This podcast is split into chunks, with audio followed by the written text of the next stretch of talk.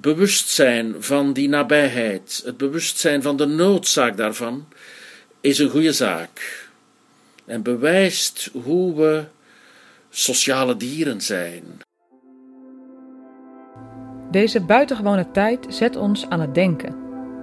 In de overdenking blikt de idee samen met gasten van de afgelopen jaren terug op ideeën die zij eerder met ons deelden. Komen die nu in een ander daglicht te staan? Vragen ze om herziening? Of zijn ze misschien accurater dan ooit? We overdenken de thema's van toen, maar dan met de kennis van nu. In iedere aflevering spreken wisselende interviewers met een vooraanstaande denker. Hier vindt u de trage denker op zijn traagst. Want nu de wereld even niet doordraait, kunnen we daar maar beter goed bij stilstaan. In deze aflevering gaan we in gesprek met Dirk de Wachter, psychiater en hoogleraar aan de KU Leuven. Bij het grote publiek brak hij door met zijn boek Borderline Times, waarin hij kritiek uit op onze ongebreidelde consumptiemaatschappij. Het altijd maar willen en het altijd maar moeten. Dat levert patiënten op in zijn praktijk. We zijn back af van het achterna hollen en hol van binnen. Dat is zijn diagnose. In 2018 spraken we Dirk daarom over het thema onthouding. Moeten we ons niet af en toe terugtrekken uit de moderne maalstroom? Nu, ten tijde van corona, hebben we te maken met een noodgedwongen onthouding. Brengt ons dat iets? En hoe kijkt de romanticus Dirk de Wachter aan tegen zoiets als de anderhalve meter samenleving? Samen met Ira Pronk spreek ik hem. We overdenken onthouding. Lieve luisteraars, welkom bij de derde aflevering van De Overdenking. Mijn naam is Eline. Mijn naam is Ira en samen met Eline spreek ik vandaag psychiater Dirk de Wachter. Welkom bij De Overdenking, Dirk. Met genoegen. Ja, u bent volgens mij altijd druk. En zeker nu. Iedereen is, is, is benieuwd naar uw kijk op deze tijd. En wat, wat doet deze tijd met mensen? En ik was eigenlijk wel benieuwd, wat doet deze tijd met u? Met mij persoonlijk, mijn persoonlijk leven. Ja, wat een persoonlijke vraag is dat. Uh, wel, kijk, ik dacht, uh, ik geef heel veel lezingen. En ik dacht, deze tijd gaat rustiger zijn, omdat die lezingen wegvallen. Maar dat valt erg tegen. Ik heb het heel erg druk, omdat heel veel lezingen, zoals dit ook, uh, worden mij gevraagd virtueel en, en via wat is het, Skype en Zoom enzovoort. Dus dat is heel veel. En ik word heel veel door de media ook gevraagd om van alles te zeggen. Ik zeg dan altijd, ja, maar ik ben geen viroloog, laat mij gerust. Maar dan zeggen ze, ja, het is juist omdat je geen viroloog bent, want die virologen, die hebben we al gehoord. Dat professioneel. Maar in mijn private leven vind ik het ook wel lastig dat we niet meer gewoon kunnen buitenkomen en elkaar zien en zo. Ik heb daar wel, ik ben uh, een mens die graag in ontmoeting gaat, zal ik maar zeggen. Gelukkig heb ik nog een lieve vrouw thuis die ik kan vastpakken, anders zou ik niet weten waar ik moest kruipen. Uh, en ik heb een huis met een balkon zo, waar mensen wel kunnen in de voortuin uh, langslopen, dat doen we vaak, en dan met voldoende afstand kunnen we elkaar toch wat spreken, maar niet vastpakken. Hè. Mijn eigen kinderen blijven dus een beetje op afstand. En dat is uh, lastig. U moet weten, en dat is nu wel heel persoonlijk, maar ook niet, uh, het is ook geen, geen taboe onderwerp, maar mijn dochter is zwanger. Mijn dochter is zwanger. Dat is van het mooiste dat er in een mensenleven kan bestaan. Een dochter die zwanger is. Hè? En dat meisje, die vrouw, nu niet kunnen vastpakken zo dat is toch wel lastig eigenlijk, dat je zegt, maar dat is nu toch de moment om daar heel nabij en heel zorgend en goed mee om te gaan. Ze stelt het goed en alles gaat eigenlijk naar wens, maar dat zijn zo van die. Misschien is het ook een luxe probleem, denk ik dan. Van, hè, maar, maar dat zijn de heel persoonlijke dingen zo. Ja, daar willen we het graag straks verder met u over hebben. Over hoe elementair het is om iemand vast te kunnen houden. Maar misschien is het goed om daarvoor nog heel even terug te blikken op het gesprek dat we met u hadden in 2018. Twee jaar geleden, toen spraken we over het thema onthouding. Uh, en dat deden we in reactie op een wereld met een overdaad aan prikkels. En een consumptiemaatschappij waarin we alles willen aangrijpen. Uh, en daar van, vanuit ontstaat de behoefte om ons af en toe terug te trekken en tot rust te komen. Uh, en in dat gesprek twee jaar geleden kaart, kaart u aan dat u onthouding nogal een vervelende term vond. Het klonk eerder als een oud-christelijk voorbehoedsmiddel. En liever sprak u over houding nemen of wachten. Uh, kunt u nog eens toelichten wat u hiermee bedoelt? Ja, het past ook wel bij deze tijd, maar die vragen komen zelfs. Ik denk dat onthouding, die nu een stuk wordt opgelegd door die virale toestand, dat is niet prettig. Hè? Dat is niet, dat werkt niet, dat voelt niet goed. Hè? Dus de, de, we zouden moeten kunnen op een of andere manier plezierig en met goesting kunnen die vertraging en die, die, die ja, andere keuzes die meer verdiepend zijn en meer betekenisvol zijn, vanuit onze eigen drive kunnen maken en niet opgelegd door de overheid of door de virologen of door ik weet niet welke. Dat is niet van deze tijd en dat lijkt mij ook niet te werken en dat is ook nu, maar die vragen komen zelfs, dat is ook nu nu is dat tijdelijk noodzakelijk, maar daar voelen we ons niet prettig bij. Hè? In mijn persoonlijk verhaal ook. Uh, ja, en de onthouding die ons nu het meest wordt opgelegd, is die van het nabij zijn van mensen. En mijn stelling daar, dat is dat dat is nu juist het meest noodzakelijke. Hè? De, de, de, dat is nu helemaal het rare van deze, uh, van deze tijd, dat is dat we worden geraakt in, het meest, in de meest wezenlijke behoefte van de mens, namelijk elkaar nabij zijn, verbonden zijn. Hè? We kunnen dat nu nog wel met die nieuwe media, gelukkig dat die bestaan. Ik ben daar heel kritisch over, maar gelukkig dat die bestaan. Maar dus dat elkaar aanraken, dat nabij zijn, elkaar in de ogen zien, dat is toch wel heel erg noodzakelijk. En verder dat onze uh, doordrammende consumptiewereld nu wordt stilgelegd, want dat is wel zo. Dat, dat doet sommige mensen zeggen, nu gaat de wereld veranderen. Ik was in een uitzending bij jullie in Nederland tegenlicht. En uh, er was een dame, een zekere Liedewij. De naam alleen al is zeer prachtig. Maar die dame is een, heel bekende figuur in de modewereld en zij kan uh, in de toekomst kijken. Dat is fantastisch natuurlijk. Ja, ik kan dat helemaal niet.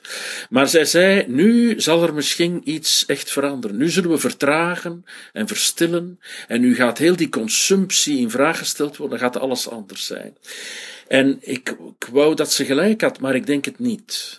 Ik voel nu al hoe we van zodra die vrijheid terug wordt gegeven, heel snel terug in heel consumptionistische, uh, terug weer in heel erg dezelfde modus gaan terechtkomen. En wat is dan dat houding nemen daarin? Is dat dan een manier om dat op een bepaalde manier tegen te gaan of, of, of om niet. Ja, wel, dat, dat komt dus omdat het nu van buitenaf opgelegd wordt en dat het geen proces is dat van binnenuit vertrekt. Hè?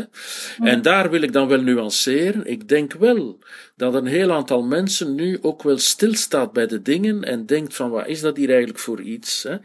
En tegelijkertijd zegt onze economie en zegt heel onze wereld, we moeten binnenkort zeer snel terug gaan consumeren, want anders dan gaan we failliet. Ons land kan niet leven zonder economische drive. Dat is ook juist. Binnen dit model kunnen we niet anders dan terugkeren naar die werkelijkheid daar, daar ook om onze sociale zekerheid te, te, te kunnen betalen.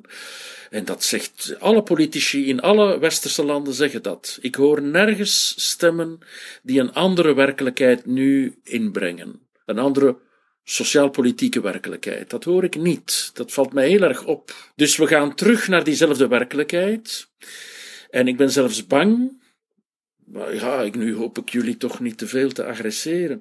Ik ben bang dat de, de zware financiële economische gevolgen van die lockdown van twee maanden, dat die gaan moeten betaald worden de volgende maanden en jaren, en dat die gaan drukken op de begroting, en dat die, en dat is mijn vrees, ook gaan drukken op het sociale systeem.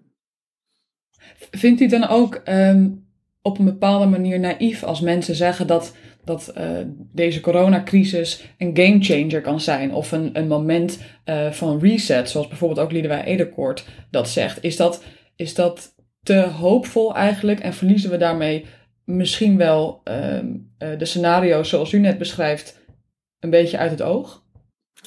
Wel, ik wou, kijk, ik ben, ik ben zelf ook wel een, een, een dromende mens. Die, ik ben toch wel een mens die graag met de voeten op de grond, maar met het hoofd wat in de wolken bestaat. Zo, hè? Ik ben ook een romanticus en zo.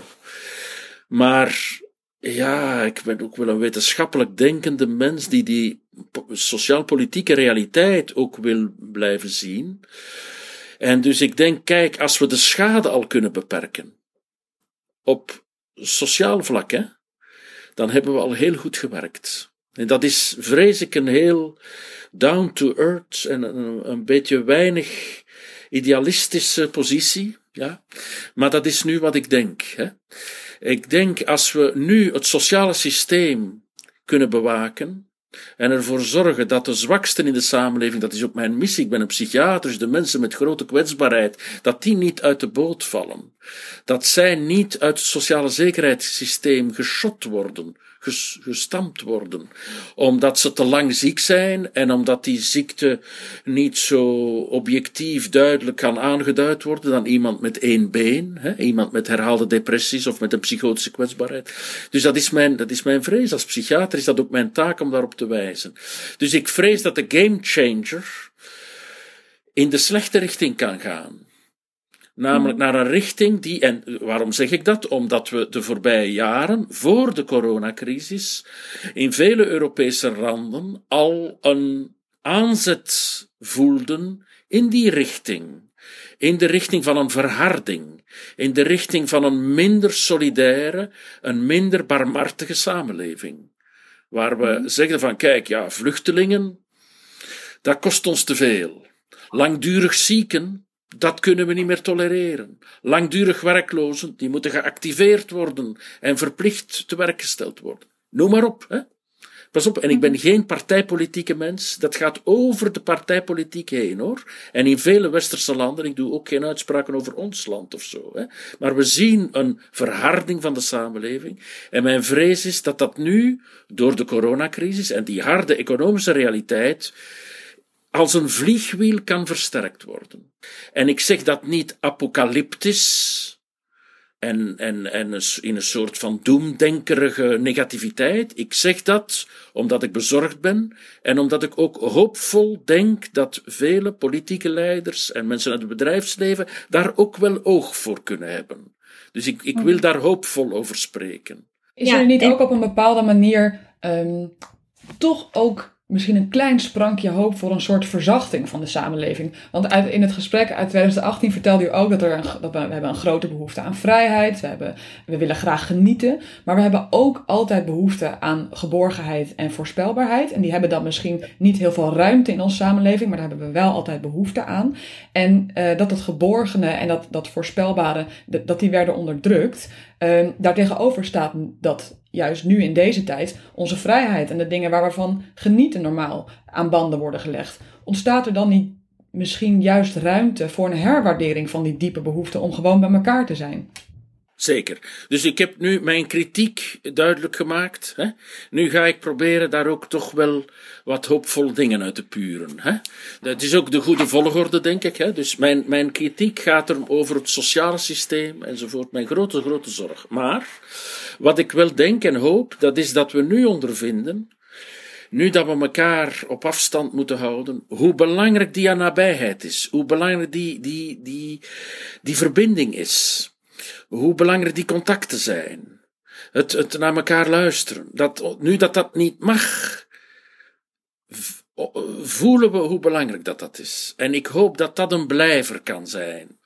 Onderhuids zelfs. Dat we daar, zelfs met het gevaar van het sociale waar ik op gewezen heb, dat we daar toch uh, kunnen bijblijven. Dat we zeggen van ja, maar nu hebben we toch ondervonden hoe belangrijk dat is om op bezoek te gaan bij onze grootvader.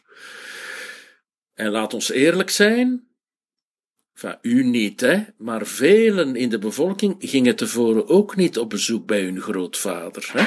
Nu is het plots een heel gedoe. Oei, oei, we mogen niet op bezoek bij onze pompa. Heel veel mensen kregen geen bezoek. Ik hoop dat we dat soort dingen toch wel nu bijhouden en zeggen van dit is toch erg belangrijk om elkaar te zien, om elkaar ook vast te pakken, te omhelzen een nadrukkelijke handdruk te geven, in de ogen te kijken, in techt in de ogen te kijken, de, de verborgen tranen van de ander te kunnen zien. Dat, dat is een bewustzijn, denk ik, dat toch wel aanwezig is en dat hoop ik ook wel blijft. Dat denk ik wel. Maar kunnen we nog even kijken misschien naar wat er precies gebeurt in deze tijd op het moment dat die, dus om het nog beter inzichtelijk te maken, wat er gebeurt als die lichamelijkheid en als die vanzelfsprekendheid van het contact wegvalt. Want uh, ik ben heel erg geïnspireerd door Levinas. Die stelt dat de goddelijkheid verschijnt in de blik van de ander. Zodat we elkaar nodig hebben om er het beste van te maken. Um, ja, Levinas spreekt ook over la caresse.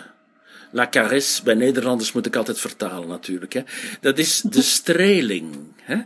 Hoe de streling belangrijk. Kijk, wij zijn eigenlijk, wij mensen, het zijn allemaal beelden, hè, maar we zijn eigenlijk woordige lijven. Wij zijn sprekende lichamen. Hè. En zowel het spreken, het woord, als het aanraken zijn wezenlijk voor onze menselijkheid. Hechting, dat is een ontwikkelingspsychologisch concept waar ik heel veel mee bezig. Hechting is iets zeer wezenlijk om mens te zijn. Daar zijn is miteinander zijn, zegt Heidegger, hè, waarop Levinas zich heeft gebaseerd voor een stuk. Levinas, de Joodse denker, die zich baseert op deze nazi-corifee, heel bijzonder toch, hè, maar Heidegger blijft een grote denker. Hè. We zijn altijd ons zijn zelf is altijd met anderen. En dat met anderen, en de Levinas heeft dat heel erg uitgewerkt, is, is nabij. Levinas gaat nog een stuk verder, die zegt er is eerst de ander, en dan ben ik er. Ik besta maar in de blik van de ander. Dus eerst is er, ik ben maar als de ander komt en mij ziet, en mij aanraakt, mij raakt letterlijk en figuurlijk. Bij Levinas ook figuurlijk mij raakt. Hè? Maar dus dat, dat is het woord, het aangesproken worden, hè? Uh, la réponse, het, het beantwoorden van de zorgvraag, maar het is ook een caress, het is ook een aangeraakt worden, een geraakt worden. En dat is toch iets dat we nu, onder, dat we nu ondervinden, hoe, hoe wezenlijk dat dat is. Als dat niet is en dat blijft lang duren. Ik zeg het nog, ik ben blij dat ik mijn vrouw kan aanraken. Eh, maar het is toch ook niet alleen in die, in die intieme relatie, daarin heel wezenlijk natuurlijk, maar ook wel met mijn kinderen, maar ook wel met mijn vrienden en met mijn patiënten. Hè. Ik vind het heel raar hoe sommige van mijn collega's heel enthousiast spreken over de Zoom-consultaties, die ze even nuttig vinden en even goed vinden. Ah, wel, ik niet. Excusez-moi. Ik vind dat schrijnend. Ik heb het nodig, en misschien komt het door mijn leeftijd dan hoor, maar ik denk het niet. Ik heb het nodig om mensen in het echt te ontmoeten, hier. Liefst ook dat ze hun mondmasker kunnen afzetten en kunnen spreken met de volle mimiek van het gelaat het gelaat van de ander, daar is Levinas dan weer. En dat ze nabij kunnen zijn. En ik wil ze, dat kan ik nu niet doen, dat doe ik niet. Hè. Ik ben ook wel een wetenschappelijk onderbouwde, correcte dokter. Hè. Dus ik kan de mensen geen hand geven. Maar mensen in groot verdriet die iemand verloren zijn door corona, die moet je toch kunnen vastpakken met een nadrukkelijke handdruk, met een soms, soms toch een schouderklop, met een, met een, een, met een nabijheid, wat dichter komen zitten, wat, wat meer naar voren komen leunen en zeggen van vertel het nog eens. U had het net over, over de mondkapjes. En in Nederland spreken we vaak over uh, het nieuwe normaal en de anderhalve meter samenleving. En ik heb daar zelf een beetje een onheimisch gevoel bij. Ik, ik kan me niet voorstellen dat dat normaal wordt. En ook als, ik, uh, als er mensen met mondkapjes op straat lopen, wat inmiddels dan blijkbaar normaal is. Ik merk dat ik ik, ik uh, kan mensen niet lezen of ik, ik weet niet wie ik voor me heb. En dat, dat, dat, dat ik voel daar een enorme uh, afstand in.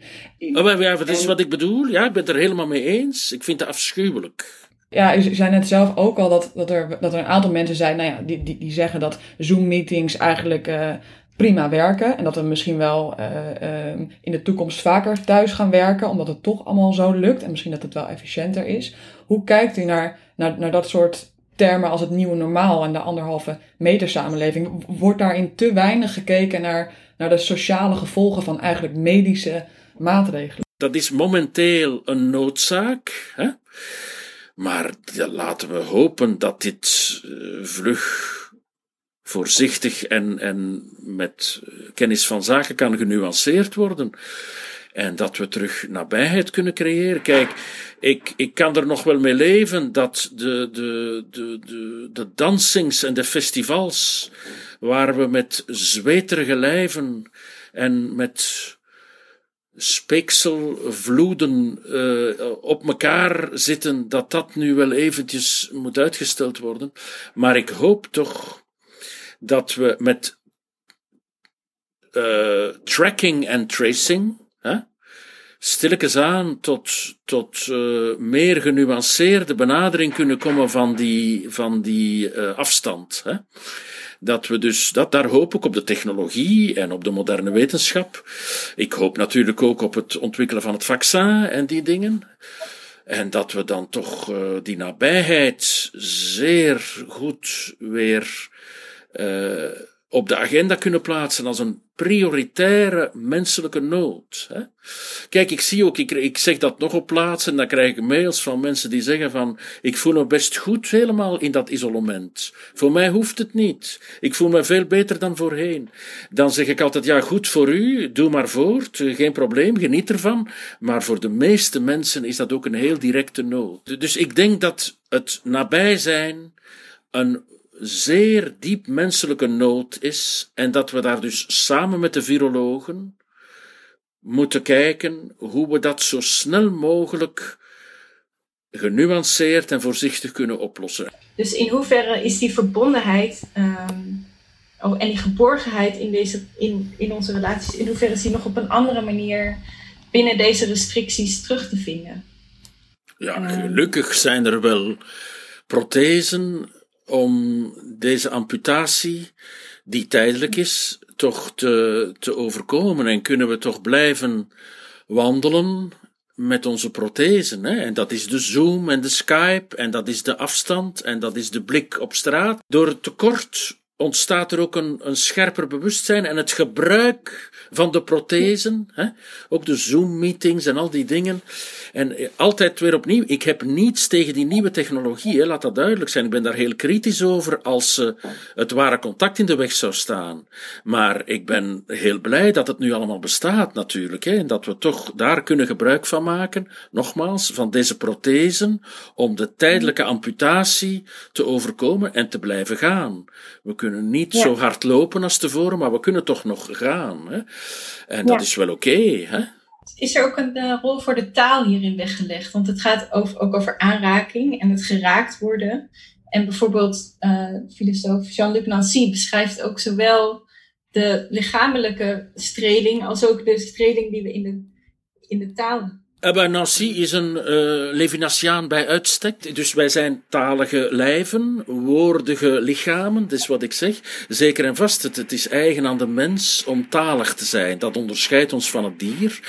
En dat uh, lijkt mij nu ook wel belangrijk om, da om daar erg op in te zetten. Dat heb ik ook al gezegd bij, naar aanleiding van het grote probleem van het rouwen in deze periode. Hè. Hoe we niet nabij kunnen zijn, dat is heel raar. Hoe we dus niet de stervende mensen, de, de COVID-stervende, dan toch niet kunnen aanraken. Niet nabij kunnen zijn. Dat is dramatisch, vind ik ook. Hoe we elkaar bij een uitvaart ook niet kunnen nabij zijn. Dus moeten we heel erg inzetten op die woorden om ook weer zo, zo goed mogelijk te compenseren. Het kan nooit helemaal, maar schrijven, uh, dingen, ja, ook, ook via Zoom en via YouTube, filmpjes en al die dingen, woorden bieden hè, en uh, talige aanrakingen bieden. Ik heb zelf met een aantal dichters een podcast ook mogen maken uh, over het belang van ja, betekenisvolle, mooie, breekbare woorden in stilte. Hè?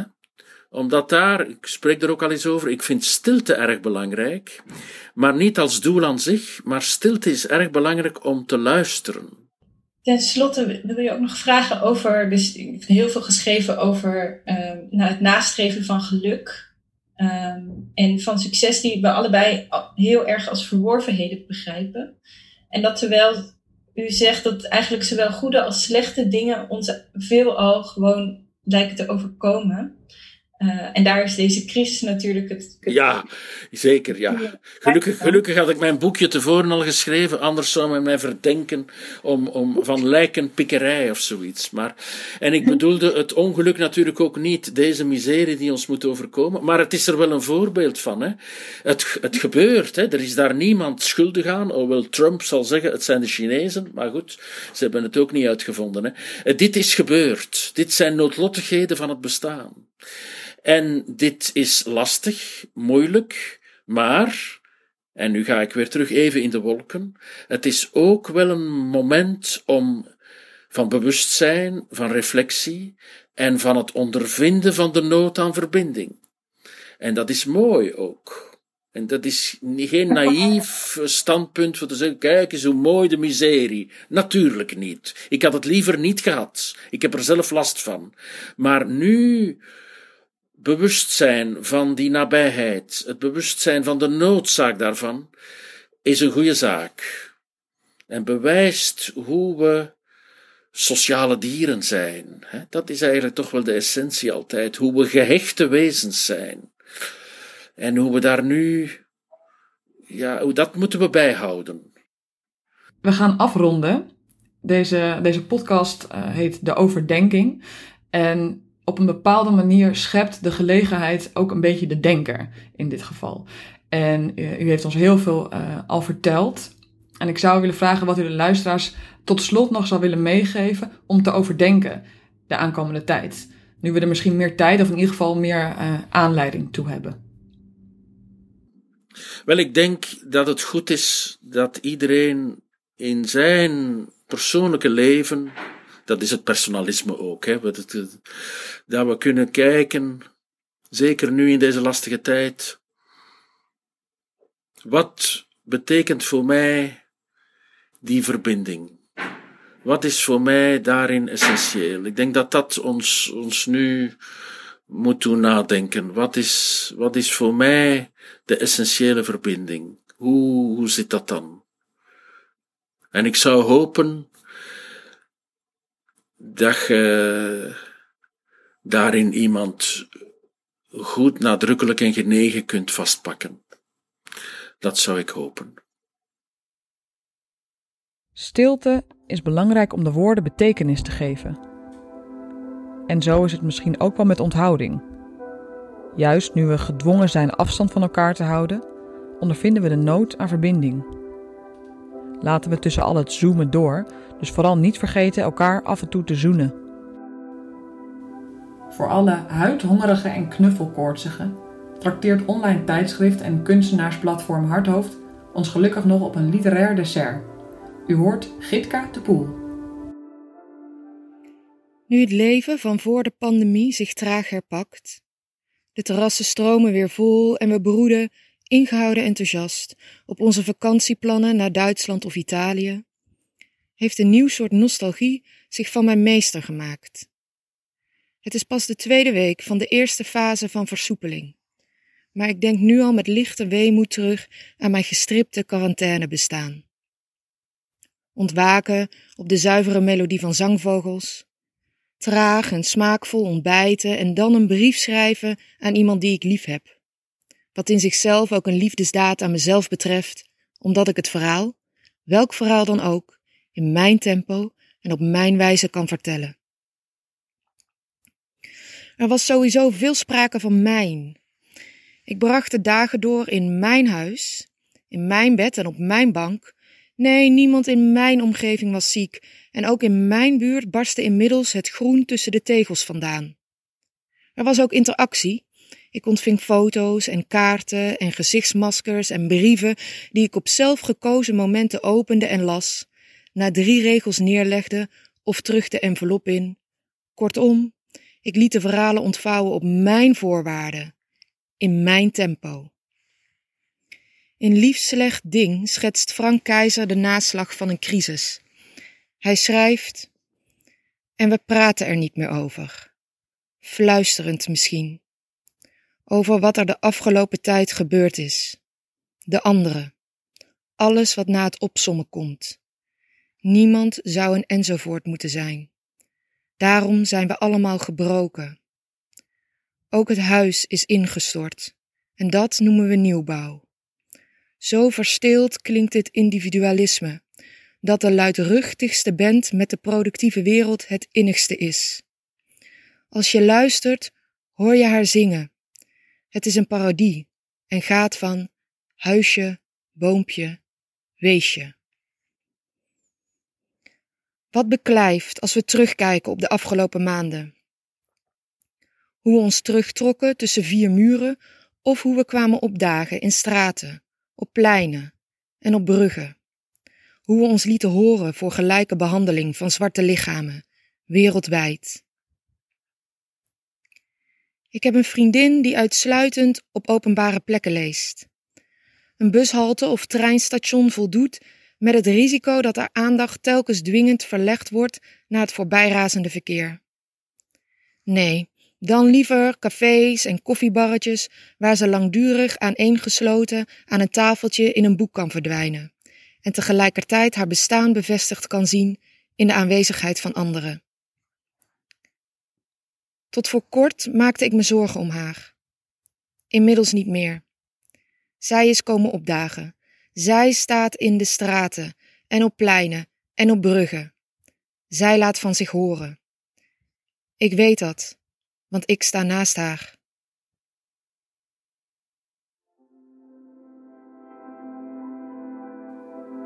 Dit was de overdenking van onthouding met Dirk de Wachter. Volgende keer spreken we met opiniemaker Elma Draaier over, jawel, opinie. Ook levert Hardhoofd dan opnieuw een literaire bijdrage. Heb je vragen of suggesties? Mail ons dan op teamdeidee.gmail.com